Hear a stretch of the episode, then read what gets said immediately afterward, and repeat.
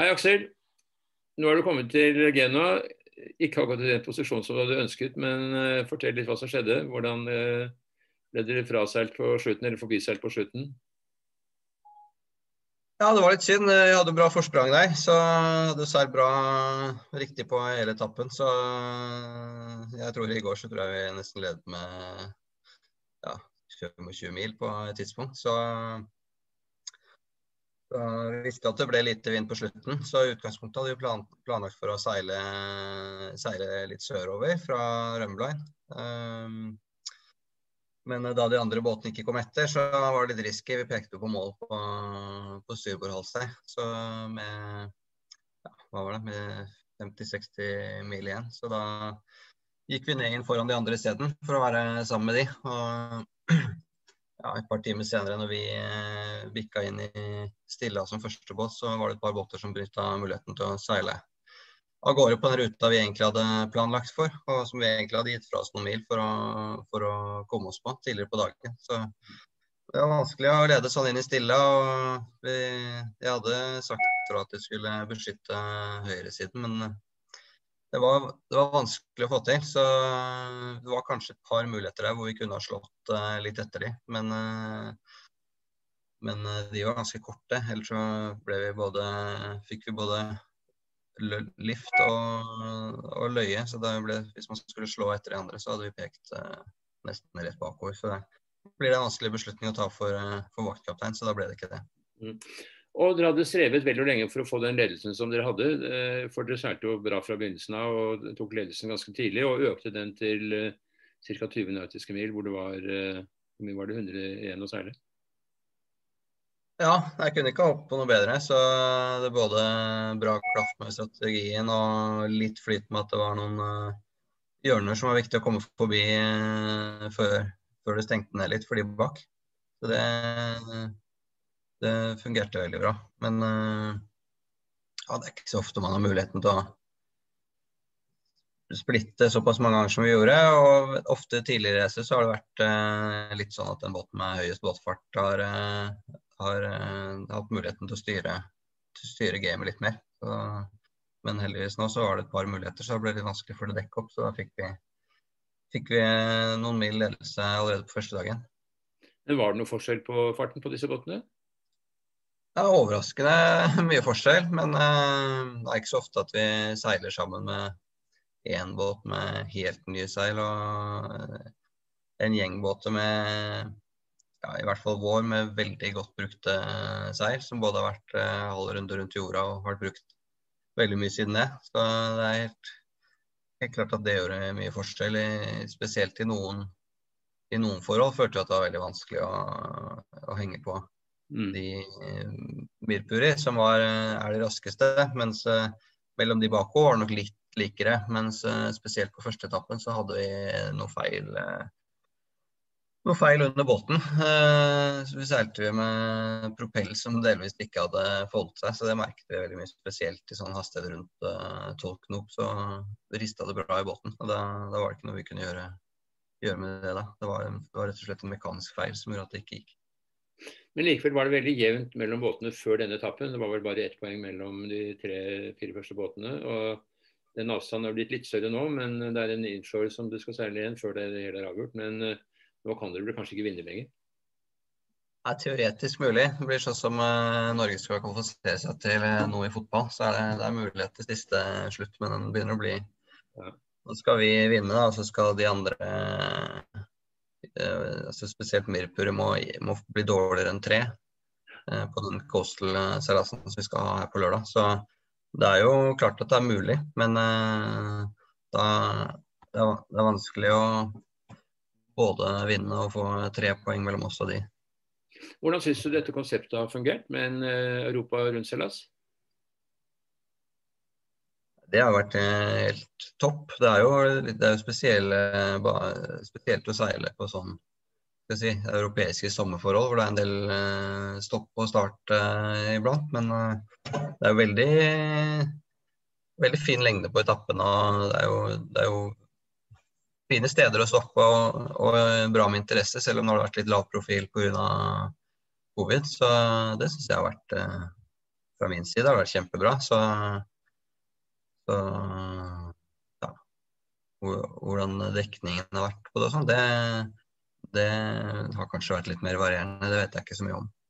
Hvordan har uh, disse um, gamle 65-foterne stått seg i forhold til Imoka 60-båtene, syns du? Ja, det har vært overraskende bra. De Imoka-båtene er jo lette, og vi trodde at de gikk bra. Men med i lettvint, det har vi erfart før i en del regattaer. Men det er jo tydelig at de altså, med det oppsettet de har med foiler og sånn, det er jo helt håpløst på kryss og lens og elitevind. Så sånn sett så er det jo Vi var vel jeg vet ikke, har, har de engang gått i mål? Det vet jeg ikke. Vi var i hvert fall 100 30 mil foran eh, noen av de i går etter eh, to, og et halvt døgn eh, seiling. Så, bortsett fra den som ikke har foiler, som er litt uh, gammeldags design, så, så har jo de 65-foterne virkelig funnet sin nisje i den regattaen. Tror du at når selve Ocean Race kommer, at det vil være mer gjevt å vinne i den ene eller den andre klassen? Jeg trodde jo kanskje at uh, at Imokkan ville, ville være førstedivisjon og, og 65-foterne i andredivisjon. Men eh, det spørs litt hva, hvordan konkurransen blir. Så hvis det bare blir noen få Imokkaer og, og, og nivået på det ikke er all verden, så selv om de båtene er mye raskere rundt jorden, så, så er det jo litt mer prestisje å seile én type, da, som 65-foteren er. Eh, kanskje, men det, det, får vi se. Det er, det er jo det er vel få ting som slår å være raskest. De, de i Mokka 60-ene så, så vel litt dumme ut på den tappen her, og 65-foteren hadde kanskje sett litt dumme ut uh, rundt jorda hvis uh, de ble liggende tilsvarende bak. Hvis de i Mokkaene fikk uh, sløre på de vinklene hvor foilene funker bra. Det er alltid vanskelig å sammenligne epler og pærer, men i hvert fall eh, nå har dere seilt i denne 65-fotsklassen, eh, som er, skal da ut på sin tredje jorden rundt-seilas uh, om halvannet år. Og de båtene holder seg tydeligvis godt. Og det har vært gode seilere i den klassen deres, så det har vært Det er ikke så lett å vinne. Nei, det har jo vært litt variabelt nivå. Det er jo litt, veldig variabelt budsjett mellom båtene, hvor da Mirpuri har eh, vært samlet som lag siden eh, januar og har veldig bra tilstand på båt og utstyr og, og bra trent eh, mannskap. Vi, seilte jo med ja, under halvparten profesjonelle, og så hadde vi med fire 16-17-åringer og, og to andre. Så, så det, da blir det litt forskjell mellom teamene. Så, men det skal, skal, være mulig å nærme seg de Milpuri også. Men er dette mer eller mindre det samme laget som kommer til å stille opp i The Ocean Race eh, til eh, neste år? Ja, Det vet jeg ikke. Eh, jeg tror ikke teamet er fullfinansiert for, for Ocean Race. Så det får vi se. Det samme gjelder helt sikkert flere av de andre teamene som, som seiler på litt sånn halv, halvprofesjonell basis. Så det skal jo et kraftig løft til i budsjett for å, for å seile rundt jorda i forhold til dette her. Så mm. det er en helt, helt annen logistikk, og båtene må være i helt annen uh, shape og sånn. Men uh, vi får se hva de, hva de, ender opp på med regler. Om de åpner opp litt mer for at teamene kan uh, seile med litt mer ulikt budsjett, eller om de gjør som sist, hvor det var Ocean Race som hadde boatyard og som gjorde en refit som er obligatorisk og sånn, for å holde båtene mye mer i samme stand. Mm, -hmm. Og din deltakelse den er ikke blitt noe nærmere etter uh, denne regattaen her? Det var veldig fristende å seile litt mer, så det er helt klart at sånn uh, etapperace da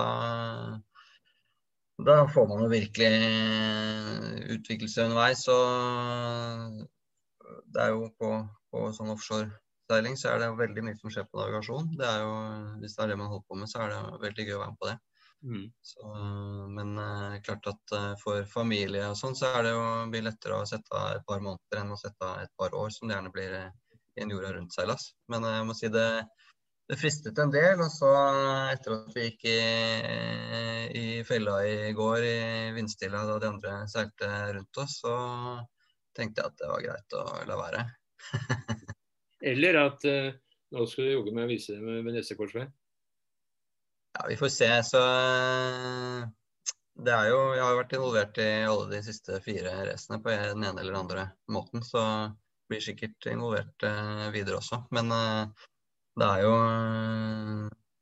det er en utfordring å reise med små barn. og ja, Jeg har reist fra meg og seilt fra meg en del tidligere, så det, er det ikke så fristende mm. Stikke av gårde i et par år mens, mens barna er små. Så det er klart, de kan jo være med, og man kan jo Skal aldri si aldri, men det er nok mer aktuelt da å ja, stille opp som stille på noen enkeltetapper hvis, hvis man er på et lag hvor, eh, hvor det passer, f.eks. Mm, mm. Men man må vel kunne si at uh, de nye eierne av racet, eh, Salén og Brusius, har gjort en kjempefin jobb med dette. Og, og at eh, dette europaracet har vært et veldig vellykket sak for dem. Ja, det tror jeg var veldig vellykket. jeg tror det er veldig bra